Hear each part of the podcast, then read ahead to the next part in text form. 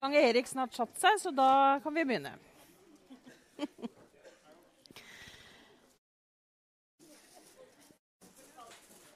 Da er vi klar for paneldebatt. Vi fant ut det da vi rigga oss her i stad, at vi var ganske kvinnedominerte.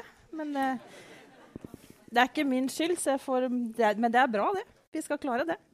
Eh, jeg skal da lede debatten. Ingjerd Thon Hagaseth heter jeg. Eh, og siden ingen da har introdusert meg, så gjør jeg det sjøl.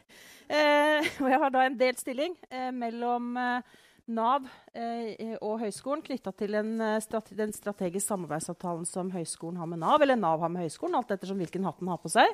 Jeg har på meg stort sett begge hatta hele tida. Um, og skal da jobbe som oversetter, eller i det daglige kaller vi det for koblingsboks. Men jeg skal jobbe da som oversetter mellom Nav og høyskolen knytta, eller i forhold til det her å skape mer, eller innovasjon i tjenestene i Nav. Og det er jo en ganske stor oppgave.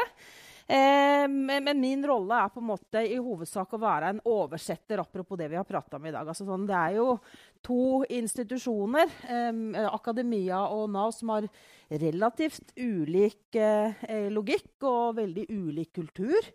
Eh, men, men, jeg tenker at samtidig så har vi en, en fellesfaktor, og jeg har fått demonstrert det i dag òg, det her med stammespråk. Og den her veldig forkjærligheten for forkortelser. Så, så, både Nik og AIK det kjenner jeg at det har jeg adoptert helt umiddelbart. Eh, vi har overskriften 'Hvordan kan tjenestene samhandle seg imellom og med mennesker med sammensatte behov for å styrke deres jobbmuligheter'. Hva kan arbeidsgivere og arbeidsplasser bidra med? Og vi har jo da invitert aktører eh, fra praksisfeltet til en paneldebatt om samhandling og inkludering i arbeidslivet. Og vi har bedt dere om å reflektere litt rundt de ulike kapitlene som vi har fått en presentasjon av i dag. Eh, og det som jeg har tenkt å gjøre først, eh, det er jo å utfordre hver enkelt av dere på de kapitlene dere har fått å forberede, og som er presentert i dag. Eh, og så vil jeg etterpå jeg har selvfølgelig noen spørsmål på lur i tillegg. Og så vil vi utfordre salen nå på spørsmål. Så dere må gjerne på en måte sitte og forberede litt på spørsmål som kan være aktuelle eh, i forhold til det dere sier etter hvert. Men jeg begynner litt i, i, i samme rekkefølge. Altså, dere får jo da, Hva er umiddelbare tanker? Er det noe i kapitlet du kan nyttiggjøre deg? Eh, hva kan du lære av dette? her? Og kanskje har dere også fått noen måte, tanker eller spørsmål rundt de presentasjonene som, som, de ulike kapittelforfatterne har hatt i dag. Så jeg starter i samme rekkefølge som, eh, som kapitlene har blitt presentert i dag. Eh, og Helen Bull, førsteamanuensis ved Oslo OsloMet. Fakultet for helsevitenskap, Institutt for rehabiliteringsvitenskap og helseteknologi. Jeg sa at det var vanskelig. Eh, vi, vi, klarer jo knapt å måte, huske hva som er instituttet. Jeg husker ikke selv heller. Den kjenner jeg veldig godt igjen. Men du er med i forskningsgruppa Intervensjoner i hverdags- og arbeidsliv og forsker i utviklingsprogrammet som skal styrke arbeidsinkluderingen i Søndre, eh, Nordstrand. Eh, og du har blitt utfordra på kapitlet 'Hvordan lykkes med å implementere en praksis som krever samhandling mellom sektorene'. Erfaringer fra individuell jobbstøtte, IPS i Norge, det ble presentert av Line Fossum Skogstad i stad. Hvilke tanker har det gitt deg, og hva kan vi lære? Det første var at det var veldig gøy å lese. Det var utrolig godt skrevet. Og så syns jeg hun tok for seg så mange ting som jeg kjenner igjen fra alle de årene jeg har jobbet. Jeg er utdannet ergoterapeut og har jobbet eh, i årevis med folk med alvorlige psykiske lidelser. Har eh, trivdes best med å jobbe med den gruppen. Og har drevet en del prosjekter de siste årene. Både den gangen eh, da folk skulle få lov til å bo i en bydel. Da 90 pasienter skulle skrives fra Dikemark sykehus til bolig i Sagene bydel. Og begge parter var like sjokkskadd over den kulturforskjellen. Sagen skulle få 10% av finansene som Dikemark hadde for å behandle og ta imot de samme pasientene. Da, det kjenner jeg igjen, den der translasjonskompetansen hvor man sitter med folk med to helt ulike tradisjoner. De må snakke sammen, og de må tørre. Og Noe av det jeg henter opp fra kapitlet, er det at um, liksom mottoet til slutt ble 'seeing is believing'. Og det er det jeg syns jeg har fra alt jeg har jobbet med, er at hvis ikke man ser det, så klarer man ikke å tro på det. Så vi leser om IPS. Vi leser teorien, vi leser modellene. Og når vi skal begynne å gjøre det, så er det, det er masse forskning på dette òg, men vi tror jo det er ikke våre pasienter. Mine, mine pasienter er for syke. Det, det, er helt sant at det gjelder for alle, men ikke for mine. De må jeg passe på. og så tenkte jeg Det du skrev om, var det begrepene 'cure and care'. var liksom de to uh, nøkkelordene fra helse. Og da tenker jeg at de kommer i veien, da, hvis vi har 'cure and care' som våre viktigste ideer. Så, så vil ikke folk komme ut i verden igjen. Så jeg fikk så masse assosiasjoner til alle gangene vi har prøvd å få folk til å snakke sammen. Og noe av det som skjedde før Nav kom, var jo at jeg kunne ta med en fra sosial og en fra trygd inn på kontoret mitt. Og så en gang så låste jeg døra, så fikk de ikke gå. Før de hadde bestemt seg for hvem hadde ansvaret for økonomien til denne pasienten. Nå kan jeg ikke gjøre det, for det er én person, og de klarer ikke. Jeg klarer ikke å presse dem eh, på, på det møtet til å krangle det ferdig. Så det er noen ting som har blitt vunnet, og noen ting som har blitt borte. Um, jeg syns det med translasjonskompetanse er ekstremt viktig, og jeg har nettopp begynt å lære det. Vi har hatt et emne som ja, du, Elisabeth, har hatt en del ansvar for, trans, eh, kunnskapstranslasjon. Og jeg har akkurat begynt å lese meg litt opp på det i forbindelse med det prosjektet i Søndre Nordstrand. For det er jo det vi gjør når vi sitter der med, med disse i spagaten og ikke klarer å forstå hverandre. Um, jeg har, jeg min historie er fra Jobbmesteren oppfølging, som er et slags forløpet, kan man si. Da. Vi liker å tenke det, da. Til IPS. At det var tidlig arbeid. Jeg bare prater, jeg. Du får stoppe meg når det er nok. Ja, ok. Um, så vi begynte, Erik Falkum, professor doktor med, begynte i 2007 og ville ha et prosjekt for å få folk med psykose i arbeid. Han fikk ikke lov til å sette ordinært arbeid i prosjektet. Fordi det var farlig og uforsvarlig å la folk med psykose komme til vanlig arbeid. 2007. 2009 skrev June og jeg en artikkel som endte opp med å hete um, 'Betydningen av arbeid for folk med alvorlig psykisk lidelse'. Jeg husker ikke engang. jeg. Um, da vi sendte den inn til Psykologtidsskriftet, så skrev denne revieweren at denne artikkelen er farlig. Den må ikke publiseres. De som skriver, kan umulig vite noe om folk med psykose. Da hadde jeg jobbet fire år på sikkerhetsavdeling og fire år på akuttavdeling. Um, også, Vi hadde tenkt å kalle den 'Veien til helvete er brolagt med gode intensjoner'. fordi det er ikke noe, det, er ikke noe, det, det fikk vi heller ikke lov til. men, men, det er jo ingen mangel på gode intensjoner her. Men det vi lærte der, var jo det at det tar lang tid å forstå hverandre. Ordet 'tiltak' betød noe for Nav og noe helt annet for oss i helse. Vi forsto hverandre ikke. Vi gikk ut og trodde vi hadde forstått, og gikk med to så ekstremt ulike virkelighetsoppfatninger at at vi, vi, kom tilbake på neste møte og kranglet, for vi, vi trodde vi hadde forstått hverandre første gang. Så at, um, det jeg egentlig tenker, er at uh, man må se for å tro på det. Hver eneste nye behandler må overbevises, må, må, få se. Man må høre de gode fortellingene. Man må høre dem igjen og igjen og igjen. Og så må man bare bruke utrolig mye tid. Jeg har ikke funnet noen annen måte enn tid. Og ikke være altfor konfliktskapende. Altså prøve å, prøve å se med velvilje. Gå og klage litt på bakrommet, da. Men, eh, men, når man møtes neste gang, prøve å forstå hverandre. Og det syns jeg var godt beskrevet i kapitlet. Takk. Eh, Helene Fredriksen. Fagleder med spisskompetanse innen karriereveiledning av flyktninger og innvandrere ved Karriere Oslo. Eh, deltakere som er omfattet av introduksjonsloven, henvises til ordinært veiledningstilbud hos dere i Karriere Oslo. Eh, og dere skriver at dere vil være en god ordinær, ordinær eh, eh, sparingspartner for å hjelpe folk til å ta reflekterte valg. Hvilke tanker har du gjort deg i forhold til kapitlet 'Samhandling på ulike premisser', brukermedvirkning i introduksjonsprogrammet for nyankomne flyktninger, som ble presentert av Ariane Fernandez? Ja. Um veldig uh, gøy å lese det kapitlet. Um, der er det jo, ikke sant Der er vi jo satt litt tilbake i, i tid. Det er jo forsket på deltakere som uh, har vært i introduksjonsprogrammet under introduksjonsloven. Um, sånn at uh, den virkeligheten som jeg lever i nå, den er jo litt annerledes fordi vi fikk innført ny lov fra den 1. januar 2021.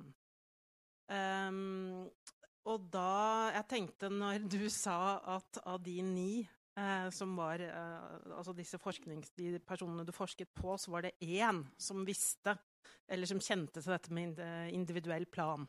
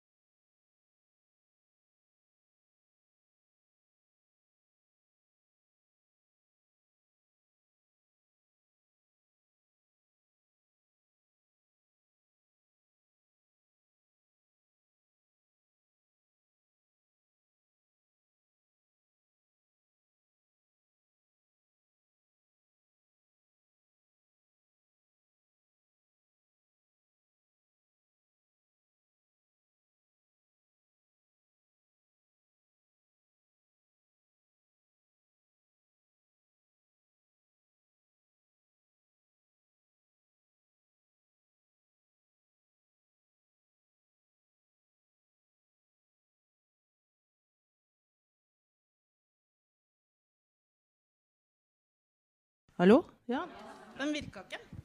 Så da slipper jeg å sitte og skrike. Ja, det var noe annet. Ja. Um, dette her med karriereveiledning, um, det har jo vært liksom en svær greie uh, når, det skulle innføres. For det, det, jo, det, det førte jo til at uh, Eh, hva skal jeg si for noe, at man begynte å måtte samhandle da, på andre måter. Um, tidligere så var det jo Nav som hadde oppfølging av alt inne på disse deltakerne. Um, og hadde da eh, mye påvirkning altså i hvordan disse individuelle planene ble seende ut. Um, det var eh, ganske vanskelig å bli enige, faktisk, eh, med, eh, med Nav-siden, etaten der, om hvordan vi skulle organisere oss, hvordan dette skulle gjøres i praksis. Fordi plutselig så skulle det komme inn helt andre folk og blande seg inn i disse, hva disse menneskene skal, og hva de bør, og um, en hel masse ting, da. Så, så, um, det i seg selv um, viser vel kanskje også at, vi, at traf, dette her traff nok kanskje et litt ømt punkt uh, hos Nav. Jeg uh, skal ikke erte på meg noen derfra nå, men um, ja. Så, så, i hvert fall um, så tenker jeg at dette her med brukermedvirkning, det er nok noe av det viktigste som er i det introduksjonsprogrammet for å sikre det på et tidlig tidspunkt, det er den uh, nøytrale uh, karriereveiledningen vi driver med på Karrieresenteret. Vi er jo Vi skal være nøytrale. Vi er på siden. Vi har ikke dette mandatet som Nav har. Vi trenger ikke å tenke på dette med måltall og sånn, f.eks. Og vi skal bare være der for å um, Si, vi har jo et, eh, alt fokus omtrent på deltakeren. Det smale perspektivet som vi snakker om i karriereveiledning. Um, og det er, jo, altså, er, det er, jo, ikke sånn at vi ikke er opptatt av det brede og dette samfunnsmessige, men vi ser nok at uh, det må være en balanse der, og at uh, disse må uh, ivaretas. Um, allerede fra den tidlige fasen før bosetting. Dette her er veldig tidlig, like etter at de har kommet. Uh, og så det andre jeg merket meg, eller som noe av det første jeg tenkte på når jeg leste, det var dette her med Det virker ikke. Uh, brukermedvirkning. Uh, fordi at du skriver, eller dere skriver jo at det er eh, et vanskelig begrep å forstå, både for sporenerne og for eh, veilederne. Um, og det er også liksom vanskelig å oversette det til arabisk. Nå er jo dette bare arabisktalene som, som dere har forska på. Men det jeg tenkte, det er jo også ukjent for dem som fenomen. For det er jo ingen som driver med brukermedvirkning i Syria. Og så Begynne å mase om det og spørre folk og klage på ting. og skal ikke jeg ha en stemme? Det er jo ingen som gjør. For det er et sted hvor du får beskjed om å gjøre noe, og så gjør du det. Og det er, altså, man har ikke noe mulighet egentlig for å påvirke, og gjør du, og så prøver du å opponere, så er det jo represalier. ikke sant? Det er jo altså ting er Man vokter seg vel for å blande seg inn i, i, i, ting man ikke har noen påvirkning på. Da. Det er stort sett andre som bestemmer over deg og hva, og, og hva du skal gjøre. Særlig hvis du er kvinne. Så, så jeg tenker at uh, dette her er så fremmed og det er ikke rart de ikke forstår det, eh, og særlig ikke spor 1. fordi nå snakker vi om spor 1. Så er det noe helt annet enn den si, jevne Altså en flyktning. Eh, det, det, er, altså, det er, så lang avstand mellom en spor 1 og en spor 3. En person med høyere utdanning. Så, så det, er, eh, det, det, er, jo kjempevanskelig å komme til vårt samfunn og være helt eller delvis analfabet, da, som disse er. Man har ikke, man har ikke på en måte de eh, ja, Man er ikke utrusta med de riktige måtene å, si, de måtene å tenke på som vi, eh, som vi, har, og tar som en selvfølge. Da. Så, så um, Og så tenker jeg um, at uh, den, de som du forsket på, um, tror du at du ville fått Nå stiller jeg et spørsmål. at dette her er um, et uh, representativt for alle spor 1 uh, fra alle steder i verden? Eller er dette her også noe at her kommer det opp mye kultur som er ganske typisk, sånn som jeg kjenner det, i hvert fall for arabisk kultur? da? Uh, når jeg ser disse sitatene fra brukeren, holdt jeg på å si, så, er, så tenker jeg liksom dette kjenner vi så godt igjen fra norskopplæringen. Og det er, kan ofte være litt sånn um, ja, At man er misfornøyd med norskklassen f.eks. For eksempel, fordi man ikke får lov å gå sammen med mannen sin. ikke sant? Og så sier vi at ja, men du er jo spor 1, mannen din er spor 3. Dette er en pedagogisk umulighet. Det handler ikke om brukermedvirkning. egentlig. Altså det, det, det, er liksom en grense. Så det er sånn som vi, Mye av det som gikk på den norsken, det er jo noe typisk også der hvor, hvor folk eh, føler at de ikke blir eh, sett og hørt. Eh, samtidig som jeg nok tror at de egentlig blir det, men det å flytte på folk eh, er ikke alltid det som er den lureste løsningen. da. Så ja, jeg trenger ikke å si så mye mer. Um, hvis, ja, hvis, noen har noe innspill og tenker noe mer, så ja, kan jeg svare mer. Kommer vi tilbake til etterpå. Det, noen kan notere seg litt og svare på etterpå. Mm, ja, Flott. Takk. Eh, Hege Lønning eh, eh, fra GE Healthcare. Eh, prosjektleder for Leida Sosionoma. Sosionova. Det er ikke bare Nav og akademia som er glad i forkortelser. Eh, Leida er et tiltak for å rekruttere arbeidskraft og øke innenforskapet eh, hos arbeidsgivere på Sørlandet gjennom å produsere kvalifisert arbeidskraft. Der er fagbrev er ett av flere kvalifiseringsmål, og mentorordningen fremheves som en viktig suksessfaktor.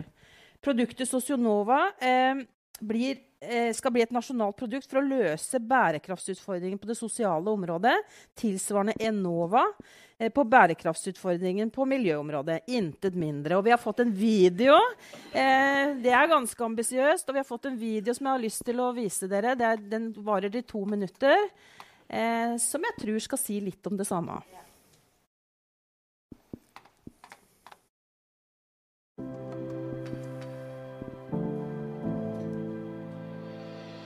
Leida er kort og godt hvordan eh, får vi bedre samhandling mellom eh, Nav, næringslivet og utdanningsapparatet, som gjør at vi faktisk får flere i arbeid.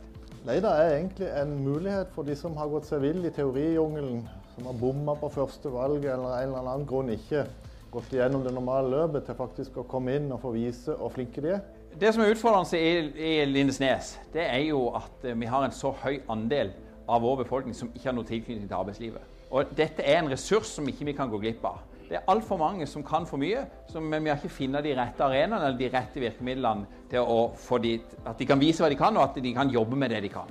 Spesielt på Sørlandet, men i hele Norge har vi mange som ikke har eh, riktig kompetanse for å få seg jobb. Og da tar vi inn disse eh, folka, voksne folk, eh, og gir dem mulighet til å ta en, et fagbrev innafor de faga som vi som bedrift trenger. Målet med Leida er å finne og optimalisere samarbeidsformer som gjør at vi raskere finner rett sted til rett person.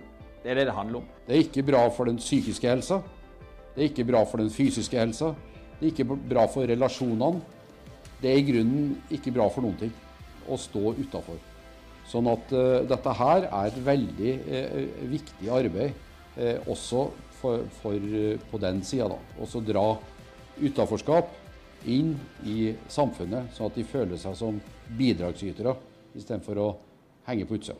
Det er så mye dyktige folk som egentlig ikke har fått en sjanse til å vise hva de kan, så det er egentlig litt skammelig. Det er litt flaut at vi prater om et utenforskap som vi faktisk som samfunn har lavt. Så vi må gjøre det vi kan for å snu det, sånn at vi har et innenforskap som, som, hvor alle er inkludert. Altså, et samfunn som har uh, så mange utenfor, og så har vi like mange ubesatte stillinger, vi må greie den koblinga.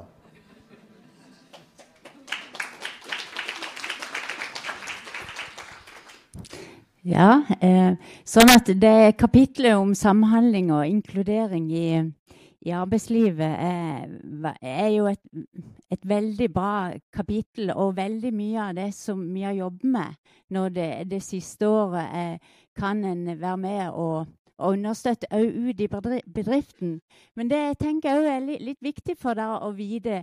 Hvem er G, Helker? Jo, er vi produserer røntgenkontrastmidler og he, helt ut til Lindsnes fyr. Og der sier det seg sjøl at det, vi er litt ut forbi det, er, det, er det store arbeidsmarkedet. Og, og og når en da tenker at eh, bedriften skal doble sin produksjon i løpet av ti år, så vil vi trenge veldig mye. Både fagarbeidere, ingeniører og eh, veldig mye. Eh, så, eh, og når da er, vi er på Sørlandet, så er jo utenforskapet er vesentlig høyere enn en resten av landet. Så det det som er arbeidet som blir starta, er rett og slett det med, med nettverkssamarbeid. Altså at eh, bedrifter eh, samarbeider både med, med, Nav, med opplæringskontor, eh, med arbeidsformidling. Altså, så det å prate på tvers er alfa og omega for å få til samhandling og inkludering i, i arbeidslivet.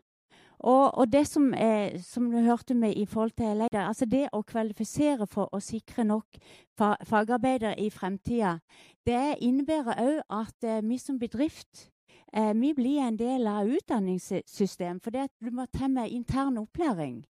Eh, fordi at vi har eh, mentorer ikke fra Nav, men egne ansatte. Og det, og det betyr at da må vi kvalifisere dem. Eh, og, og, og det, var ikke, eh, det, var ikke, noe som er ferdig. Så der har vi hatt inne både Nav, eh, Lindsneslosen, og nå er samarbeider vi med Senter for yrkesopplæring på eh, Universitetet i Agder. Sånn at eh, vi er en pilot som er med og, og kan eh, gjøre det sånn at eh, andre bedrifter kan kan gjøre det samme. Det er vårt, vårt, mål, og det er derfor vi er litt ambisiøse eh, i forhold til, til, det. Og våre kandidater, Nå har vi 20 kandidater.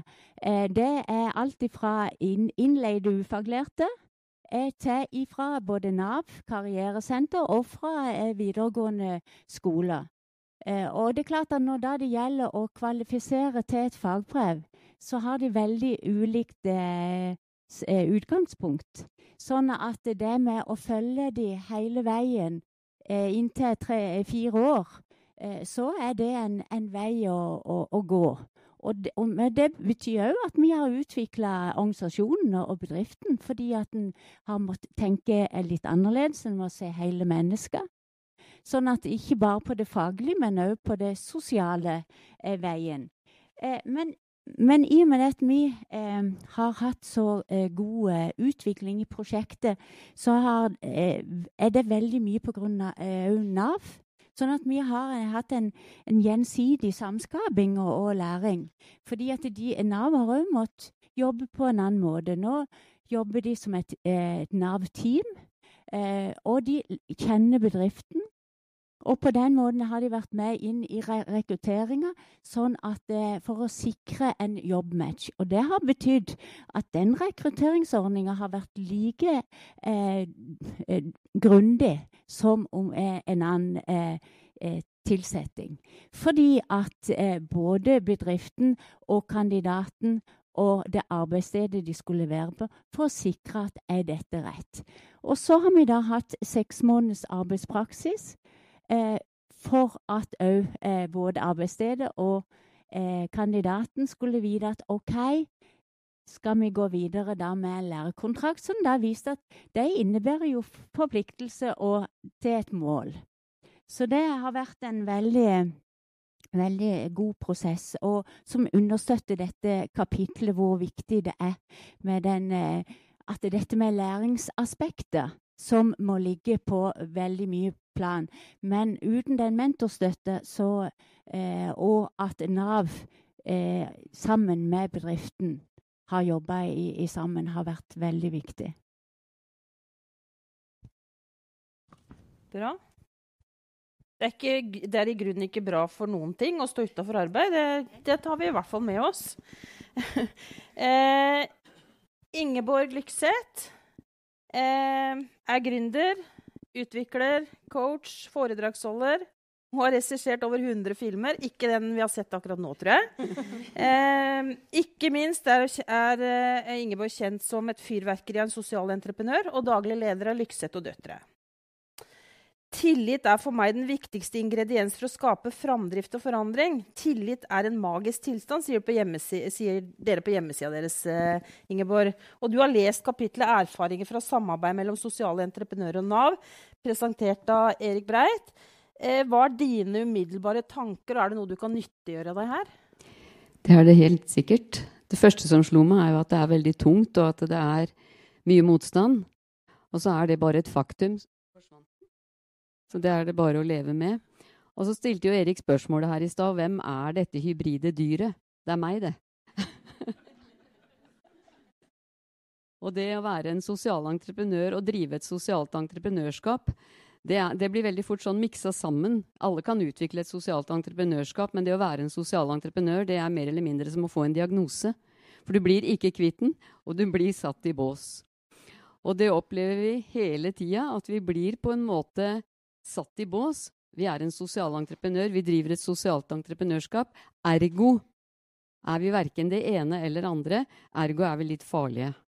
Og I det kapitlet så var det også sitat fra noen, eh, enten fra Nav eller kommune, om hvordan de så på en sosial entreprenør, og det var litt sånn uforutsigbar og litt sånn eh, skummel, rett og slett. Så det er veldig mange benevnelser for oss som vi må gå inn i samhandling og samskaping med, fordi vi i utgangspunktet da blir møtt på denne måten.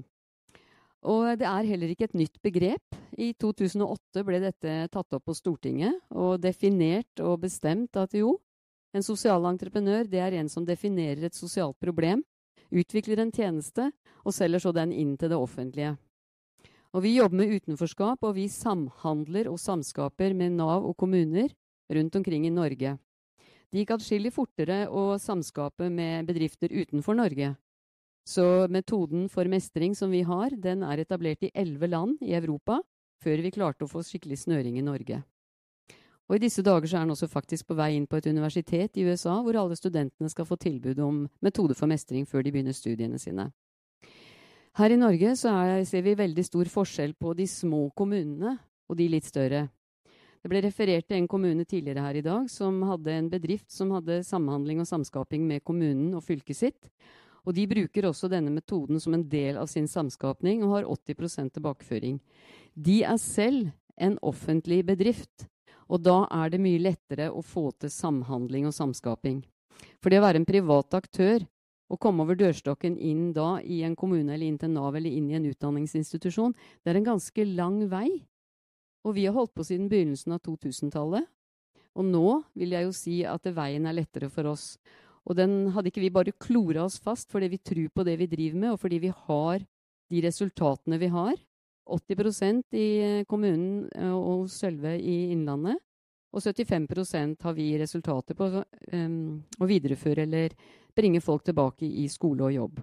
Og de står der, for vi følger etter i en par-tre år og ser hvor de er blitt av, og da viser det seg at statistikken øker og ikke faller tilbake igjen. Og det her med samhandling og samskaping som kapitlet tar for seg, det Jeg ble skikkelig tung i skuldrene når jeg leste det. Det var heldigvis lett å lese, for det er bra skrevet, selvfølgelig, av sånne bra folk. det var spennende og fin lesning, og veldig behjelpelig med det at det hjelper oss å uttrykke situasjonen vår inn mot andre nye offentlige aktører som vi ønsker å samarbeide med. Fordi vi er helt avhengig av Nav og kommunene og utdanningsinstitusjoner for å få til resultater med den målgruppa vi jobber med. Vi har også måttet ty til næringslivet, som ser et sosialt ansvar og velger å investere i ungdom som en del av bærekraftsarbeidet sitt. Det holder ikke bare å sortere søppel lenger, det er mer, mer til for å være med å øke og opprettholde bærekrafta. Og det å investere i ungdom, det tror jeg kanskje er en av de klokeste tingene vi kan gjøre, for de er jo faktisk da fremtidens bærekrefter. Og hvis ikke de kan stå i seg sjøl, så kan de definitivt ikke stå med det samfunnsansvaret på skuldrene som de vil få etter hvert. Så vår oppgave er å sørge for at de blir ressurssterke og hele i seg sjøl. Og det trenger vi både Nav, kommunene og utdanningsinstitusjonene til. Så kapitlet vil vi bruke aktivt når vi er ute, for å peke på at dette er faktisk forska på. Hvor det viser da til hva som fungerer, eller hva som skjer når det, vi får til samhandling og samskapning. Så jeg tenker at det kapitlet som sådan kan gjøre dørstokken lavere for oss sosiale entreprenører. Og så er det ikke så farlig å være et hybrid dyr, fordi hun ved siden av sa at jeg kunne være en enhjørning.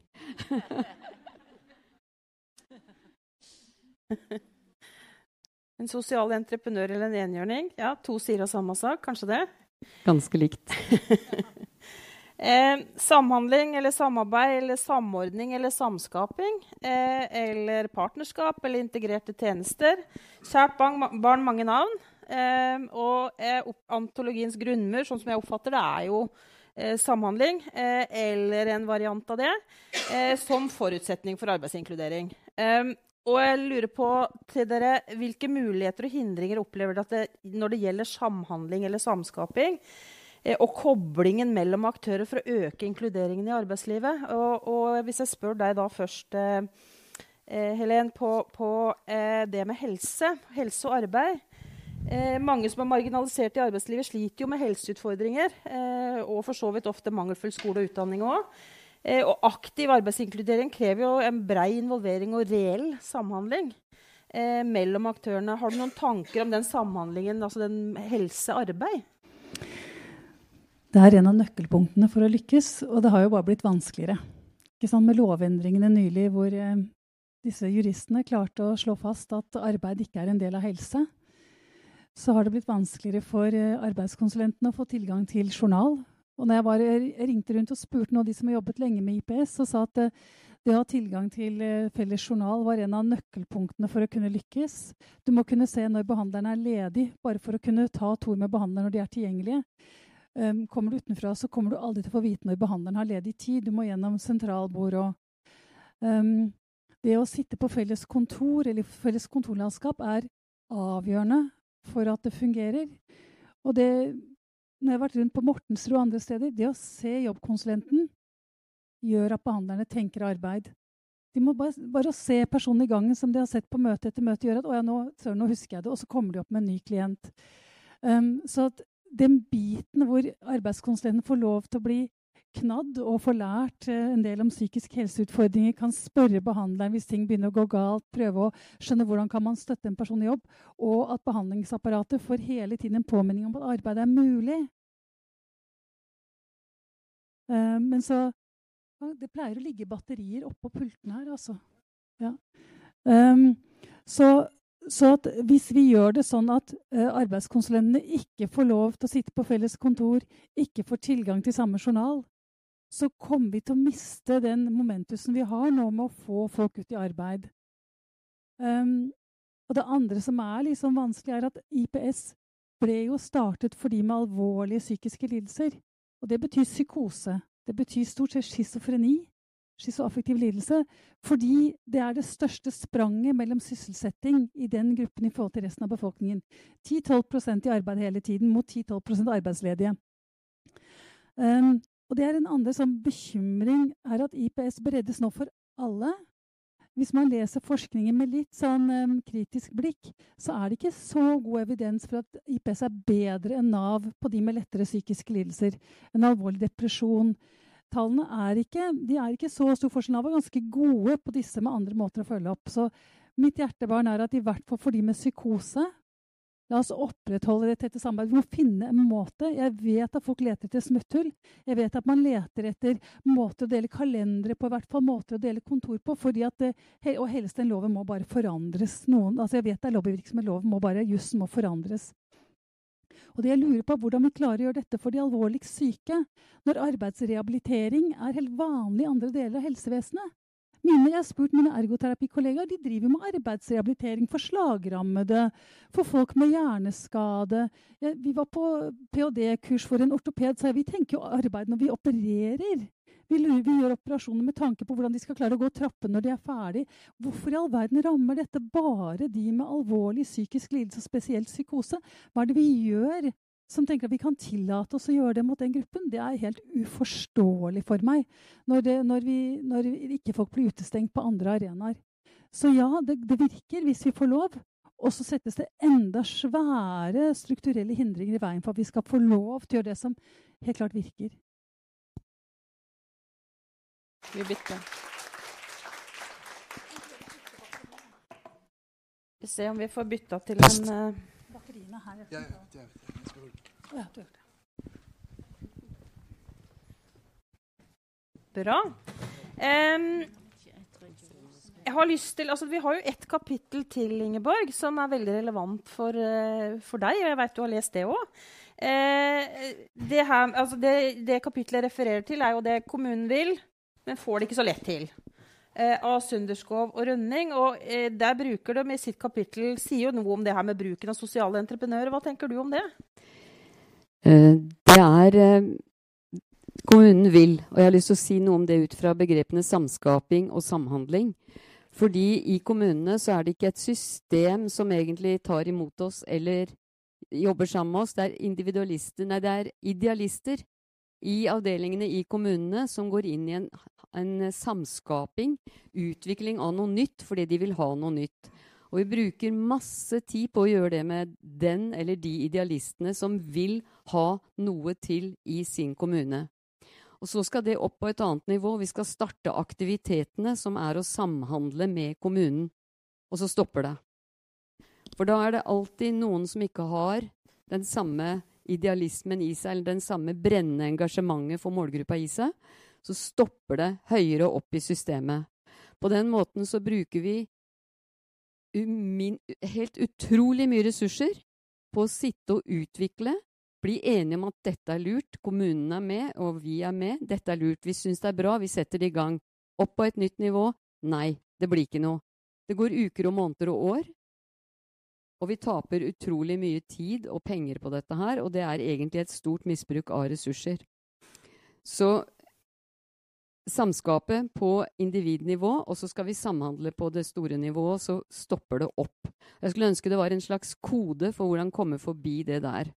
Fordi det medmenneskelige fungerer åpenbart ikke, og Arne Holte har sagt det så fint at å investere i barn og unges psykiske helse er det mer å tjene på enn i olje og gass.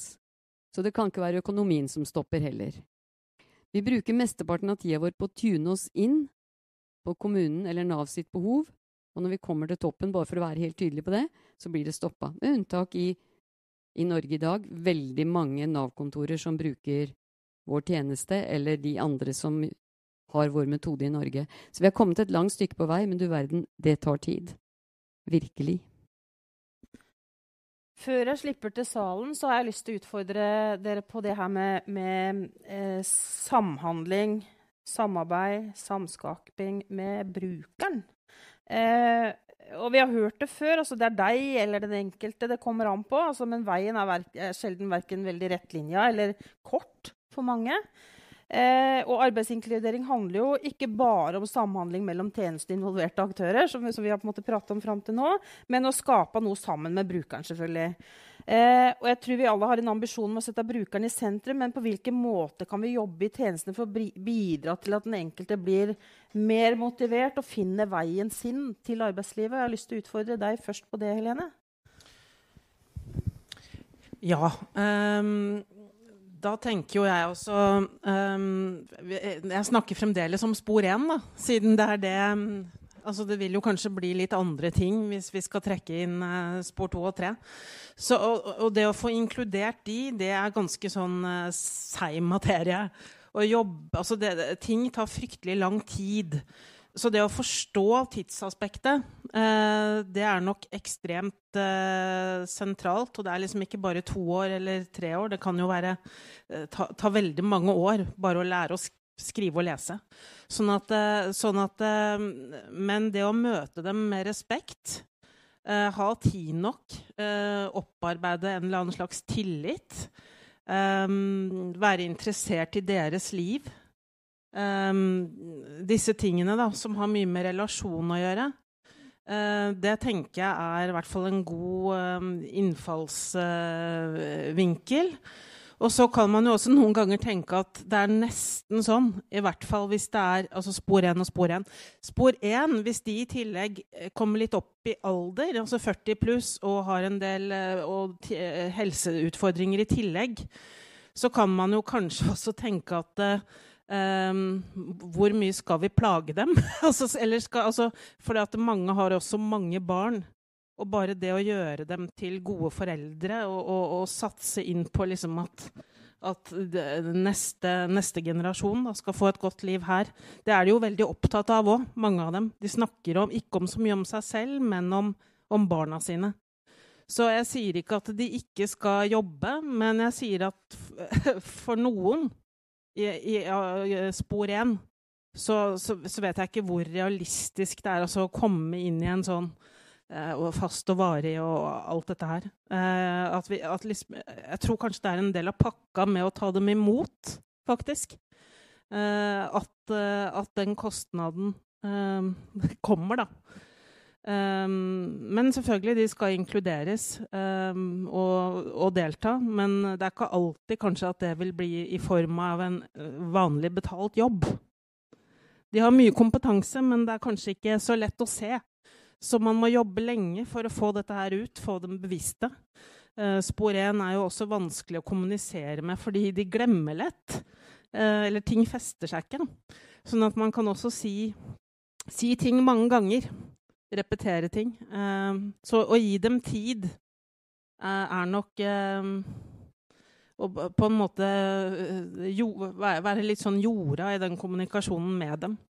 Fordi hvis man har Altså når man har som veileder eller altså offentlig ansatt da, noen helt andre forventninger til hva liksom, denne integreringen skal være enn personen selv, som bare er opptatt av trygghet og Familie. Det er jo stort sett familie som er viktig. Det er viktigst i livet.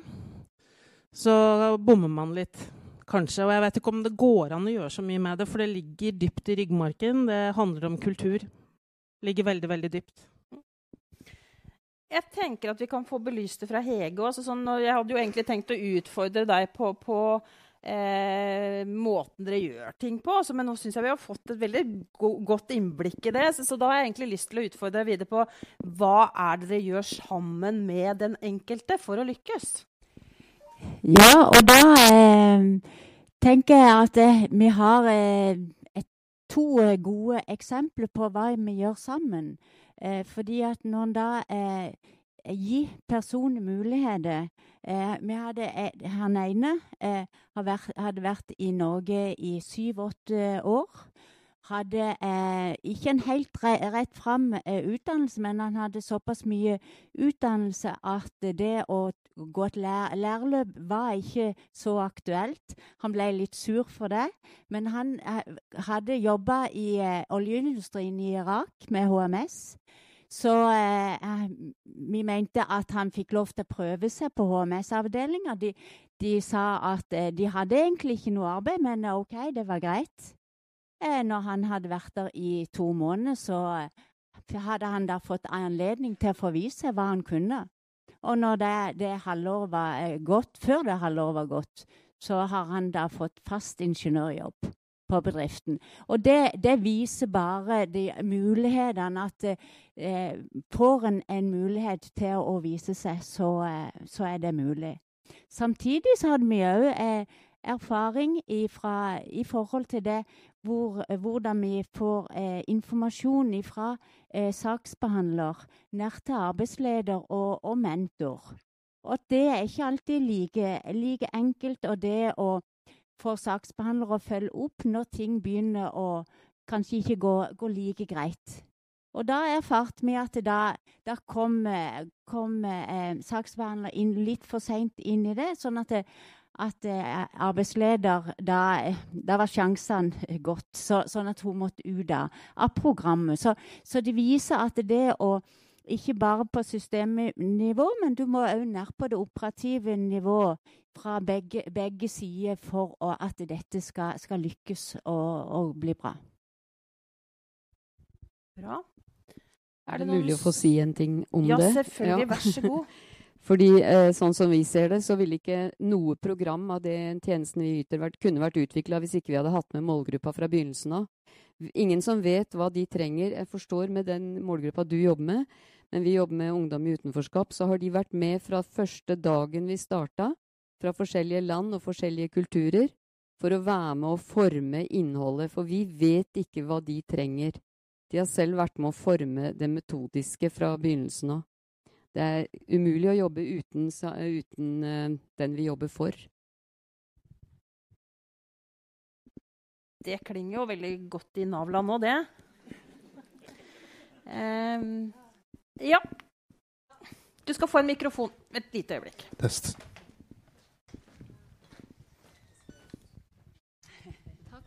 Virker den? Ja, den virker. Uh, jeg har bare lyst til å kommentere litt til deg, Helene. Eh, på vegne av de Spor 1-damene eh, særlig, da, som jeg har jobbet med. Ja. Eh, og du sier at det, familien er det viktigste, og det sitter i ryggraden. Mm. Eh, og det gjør det, men det gjør det i deres, i deres hjemland. Fordi at der er familien en utvidet familie. Men i Norge blir familien en isolert familie i en leilighet et eller annet sted. Og de blir veldig ensomme, og de blir sittende hjemme, og det er ikke noe bra for barna deres. Mm. Sånn at det å finne arenaer hvor de damene kan komme ut i jobb Og det tenker jeg er noe av det som er viktig å tenke på. Det er det at en vanlig jobb Kanskje må man utvide på en måte begrepet hva er en jobb? Hva er en vanlig jobb? Og at man skaper jobber som er tilgjengelige for mennesker som ikke snakker godt norsk, som har falt utenfor på en eller annen måte. Og det tenker jeg er noe av det som eh, vi må jobbe for. For de vanlige jobbene blir ofte for vanskelige for de, de å komme inn i. Uh, ja. Så jeg har i hvert fall opplevd at de damene, når de kommer ut i jobb, så uh, har de så mye å bidra med. Og det, av, det på en måte blir en ringvirkning for resten av familien. Mm. Mm. Skal vente, skal få lov å kommentere det, men skal, du stilte jo et spørsmål i stad som Mm. eh, Anastasia kan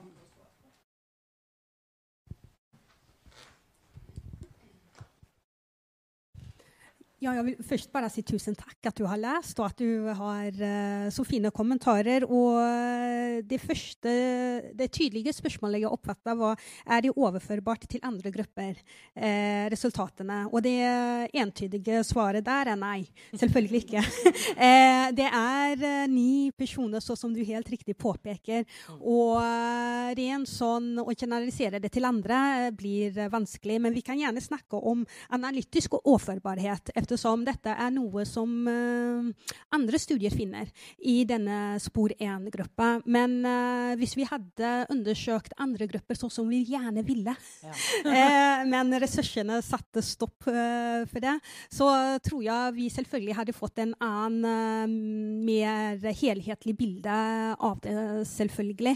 Men, og det at det ikke er på arabisk, det er jo helt riktig. Og jeg tenker at kultur forklarer noe, men forklarer nok ikke alt, tenker jeg. Eh, for eh, vi må jo se på hvordan er det de eh, På deres opplevelser her i Norge. Det å eh, oppleve at de ikke blir sett og hørt innenfor et system. Eh, og noe av deres bakgrunn kan forklare det, men jeg tror at vi likevel må se på eh, hvordan eh, deres erfaringer er eh, med det systemet de møter. Men jeg tror vi hadde fått helt andre svar, kanskje, hvis vi f.eks. hadde intervjuet norsklærerne, eh, som sier noe om hvorfor de ikke får bytte klasse, sånn som du helt riktig påpeker. Ja. Mm. men her er vi jo ikke ute etter en objektiv sannhet, det, uten deres opplevelser opplevelser, erfaringer av å møte et system da, som de ikke helt skjønner seg på. Hvor vi prøver å trekke det litt oppover. At her handler det kanskje ikke om den nødvendigvis om den enkelttiltaken eller den enkeltnorsklæreren, utan det handler om noen overordna føringer eh, sentralt som gjør at det blir vanskelig å re realisere enkelte av de målene man har satt seg politisk. Da. Tenk, ja. Kort kommentar? Kort kommentar. Eh, ja. Eh, tar den først, og så den. Um, det er sant. Um, altså spor én, det er um, Det er jo noen ting som er likt hos spor én, uh, uansett hvor de kommer fra. Men det er også noe i forhold til dette her.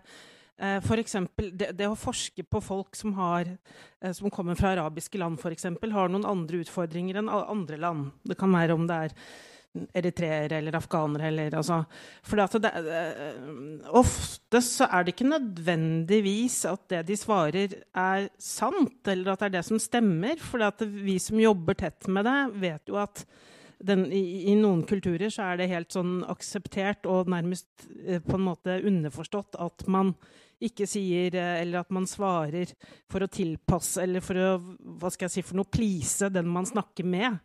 Sånn at å, å være sikker på at man faktisk får liksom, faktum, da, er en, vil jeg tenke er en ekstra utfordring når du, når du, har, eh, når du skal forske på, på um, arabisk kultur, altså de som er spor én derfra det, det, det, er i hvert fall min erfaring at der er det eh, Ja. Man kan få mye rart av, av, av um, tilbakemeldinger, egentlig. Um, Har du kommentar til Ja. Jeg er helt enig med deg at disse damene skal jo ikke sitte isolert i leilighetene sine. Det er absolutt ikke bra. Um, jeg tenker at eh, ja, en eller annen form for altså, jobb, selvfølgelig, men kanskje ikke disse tradisjonelle Altså det vi tenker på som vanlig, vanlig jobb. Uh, men um, de må jo ha um, noe som er meningsfullt, altså en eller annen aktivitet, jobb, som, som, som gjør at de føler at de bidrar, da. Så, så, hva man tenker altså Det er jo bedre at de er i aktivitet enn at de ikke er det, tross alt. Uh, og så er det uh, Det er nok mange segmenter innafor spor én. Uh, eh, du har de som Jeg har jo sett mange av de som er, fungerer kjempebra i jobb, og som ønsker å jobbe, men du har også de hvor det blir holdt på å si så fjernt at at det nesten ikke altså, Eller kanskje også vil jeg våge å påstå at noen faktisk ikke ønsker det. Ja, det vil jeg bare få lov å å si. Så, så, så, det kan godt hende at de sier de ønsker det. Det er noe annet. Men apropos brukermedvirkning, altså det er lov å ikke ønske det òg. Det må ja. være lov å ikke ønske det òg. ja. Flere spørsmål? Kommentarer?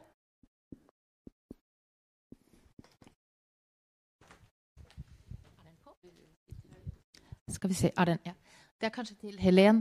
Eh, jeg lurte på det Dere har snakket om samhandling, og det handler om samhandling, samskaping. Eh, og så var dere litt innom det, eller jeg tror du sa noe om individuelle planer. Og så lurer jeg egentlig på Det har blitt forsket en del på individuelle planer når det kom, og i ettertid og sånn. Men det virker som det har blitt litt borte. Blir individuelle planer som verktøy for brukermedvirkning og samhandling fortsatt brukt? Hva er ditt inntrykk? Og da tenker jeg også individuelle planer i regi av Nav. At Nav f.eks tar i bruk de, eller innen helse, så er det i det hele tatt brukt lenger? Der er jeg på litt tynn is.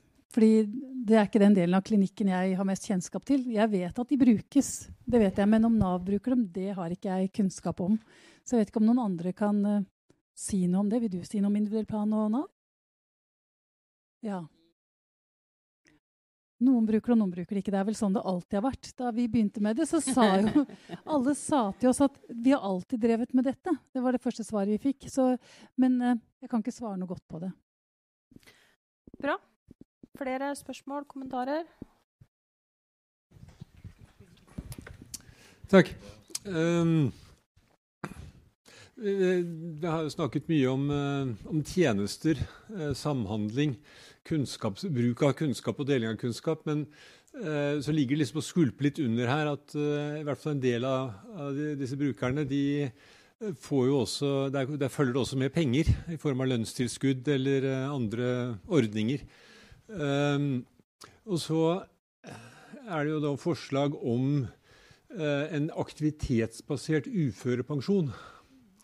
Uh, nei, uføretrygd heter det. Aktivitetsbasert uføretrygd for de som er under 30. Med andre at de, hvis man da ikke hvis man konkluderer med at her er, det ikke, uh, her er det ikke mulighet for å komme i fullt arbeid, så kan man uh, få fastsatt en eller annen grad, la oss si 50 ja, i uføregrad, og så kan man jobbe ved siden av og i og for seg jobbe full tid, men få halv lønn. og så er den andre halve lønnen er da uføretrygd altså en måte å prøve å lage en varig lønnskompensasjon for. da, eh, For å kompensere for en redusert produktivitet. Sånn at jeg da kan jobbe med, med halv fart eller halvparten av tiden, men på en måte være i arbeid. Og jeg aner, Dere har helt sikkert ikke tenkt veldig mye i forkant på om dette er lurt eller ikke. det ser jeg på dere. men, men spørsmål, altså, vi, vi, poenget er her i og for seg ikke akkurat den spesielle utformingen av ordningen, men det er den der kombinasjonen av en var, altså, å erkjenne at noen har en varig redusert arbeidsevne, kanskje variabel, eh, men er en full del av arbeidsfellesskapet og får sitt livsopphold gjennom en varig kombinasjon av lønn fra arbeidsgiver og eh, trygd fra Nav. Er det noe som, eh, som, Sånn som dere erfarer verden, vil dette være interessant? Ja, sånn i forhold til prosjektet hos oss, så så, eh, så, sier vi ikke dermed sagt at alle skal jobbe, jobbe fullt. Altså, det handler om å, å få det tilrettelagt, eh, sånn at en får eh, innforskap. Og en får inkludering og arbeidsinkludering. Så, så absolutt. Så, så, tenker vi det at det er, er, er veldig viktig. Og, og det vi òg erfarer, er jo at at eh, disse som nå kommer over på lærekontrakt, så er det opp til den enkelte å, å si fra at nå vil de ikke ha noe med Nav å gjøre. Og da, og der står hun liksom på, på bar bakke. Og det er jo derfor en av grunnene til en ser på dette med sosial og sosionova i forhold til å kan se prosjektretta. Eh, sånn at det ikke blir en, en veldig sånn streng, men at en ser det som et prosjekt. Og, at, og det er veldig mange gode prosjekter over hele Norge. Det å få samla, og at en kan inspirere ulike bedrifter til å, å prøve ulike typer prosjekter. Så absolutt. Det er vel ganske vanlig også at folk ikke jobber heltid. Mange av de vi snakker om, de, å jobbe to dager i uken gir deg innenforskap. Det er, eh, så det uføretrygd kombinert med arbeid er vanlig. Det er ikke alle som ønsker å jobbe hele tiden selv om de, selv om de altså, Noen trenger de dagene til å hvile også, det, men det er ikke noe negativt. Da er det siste Da blir det Ja. Raskt spørsmål. Uh, bare en, en, en, kort kommentar. Vi er jo den eneste bedriften her en, som er arbeidsgiver og, og jobber med disse tingene som, som Hege, Hege, sier. Og vi ser jo det at det blir en veldig utfordring å få arbeidskraft i årene framover. Eh, for to år siden var det én eh, på Nav til 3,9. I år er det 1 til 3,7. Om bare 18 år er det 1 til 2. Sånn at, eh, og vi kan ikke begynne i 2038 med å finne arbeidskraften. Så vi, Derfor så, så kvalifiserer vi dette her. Men det som også er en utfordring, når vi da eh, ser eh, og, og på hele den svære mengden mennesker som står på Nav, 100% det er altså 1% sykefravær i Lindesnes kommune og 1400 mennesker i en kommune på 25 000 som står 100% på Nav. Det er ikke sosial bærekraft. Så vi kan godt ta de som er vanskeligst å, å integrere, men du kan ta fra toppen. Sånn at du kan halvere den gjengen som står eh, på Nav. Og det, og, og det er det vi, eh, vi, jobber med. Men det er klart at når vi kommer da, det er fagforeningslederen, når vi kommer ut i bedriften og sier at ja, nå skal vi ansette fra Nav, så sier de hæ? Skal vi ha navere? Mm. Men, men, på personalkontoret, der sitter personalkontoret. Hun sitter her. Så det, de sier 'We will recruit the best'. Ikke sant? Vi er amerikansk selskap. 'We will recruit the best'. Hva kommer du med nå? Hva er det her for noe? Sånn at, at eh, Og det er, en, det er, jo det som er inkluderings eh, i, hos arbeidsgiver. Det er også bli vant med det. Også til deg som, som opererer med arabere. Det opererer vi jo med. Ikke araber flikkflakk, men arabere. Og da er det jo de som kommer fra andre land. De har jo som jeg, Det er jo bare jeg som ikke har noe dialekt, pleier jeg å si. Ikke sant? Det er bare alle dere andre. Så du har å lære deg den dialekten som kommer fra Irak og fra Indonesia og ikke sant? For det er en annen type dialekt. Og, og, og det er også en del av den arbeidsinkluderinga som arbeidsgiverne må jobbe med. Det er ikke enkelt, men det er, det er sånn det går. Takk.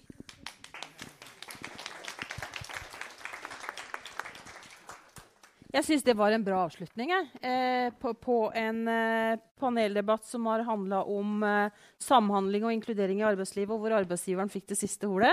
Eh, og, og, hvor jeg opplever at det du sier, er egentlig at vi må få de puslespillbrikkene til å passe bedre sammen. Um, så tusen takk til dere. Det skal selvfølgelig få hver deres bok. Det har Mette sagt at jeg må huske å si. Ja, eh, og jeg skal gjøre det òg. Eh, så tusen takk, alle fire. Eh, og tusen takk til alle dere som da har stilt spørsmål og vært engasjerte. Så takk for oss. Ja.